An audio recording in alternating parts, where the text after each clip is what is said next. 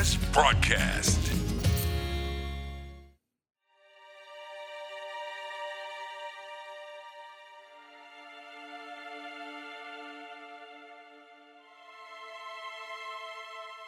وفقا لأسعار القوارب الموت أو العبور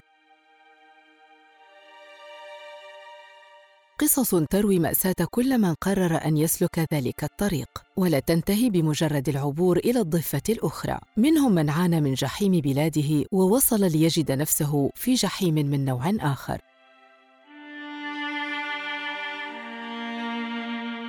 عين ألف كما طلب أن يشار إليه لعدم رغبته في الإفصاح عن اسمه. البالغ من العمر 26 عاماً. شاب ليبي من مواليد طرابلس لم يكمل تعليمه الجامعي بسبب الأوضاع التي عاشتها ليبيا منذ عام 2013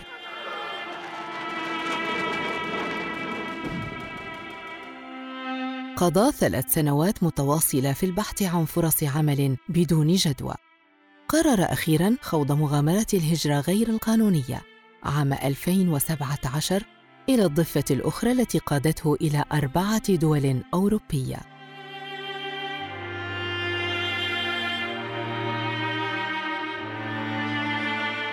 ننوه لعنايتكم بأن القصة واقعية والمشاهد تمثيلية. بدأت معاناة عين ألف عند مكوثه في المخابئ السرية للمهاجرين غير القانونيين. دفعت كل ما أملك لضمان رحلة آمنة. تختلف أسعار القوارب حسب المبلغ المدفوع. يكون الخيار بين قارب متهالك لا يصمد أمام أمواج البحر أو دفع مبلغ ضخم في قارب أفضل لرفع نسبة الحظ للوصول إلى الضفة الأخرى. الوصول إلى سيسيليا. يتم أخذ بصمات أصابع المهاجرين غير القانونيين حيث يثبت أنهم دخلوا أوروبا عن طريق إيطاليا مما يمنعهم من طلب لجوء سياسي إلى بلد آخر في الاتحاد الأوروبي.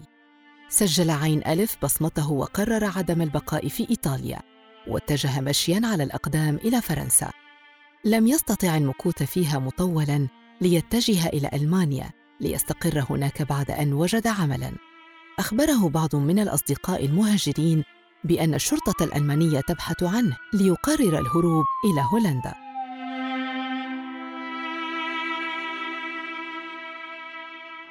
عند وصوله للحدود منعته الشرطة من الدخول وأخبروه بالعودة حيث أخذت له البصمة.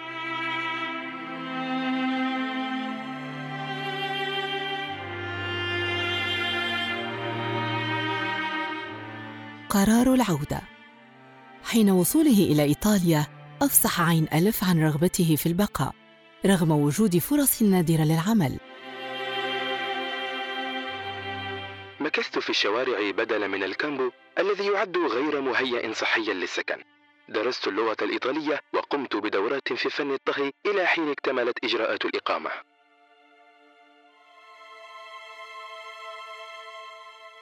بعد أن استكمل إجراءات الإقامة استطاع التنقل عبر القطار قاصدا ألمانيا.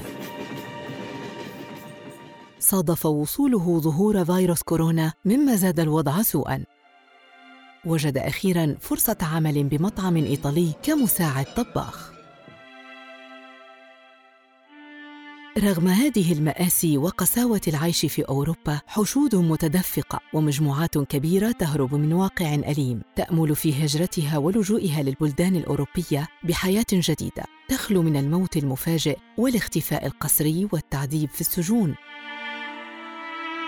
وترنو إلى حياة رغيدة ومستقبل جديد ورزق وفير. عليه أصبحت الهجرة ملاذ غالبية الشباب.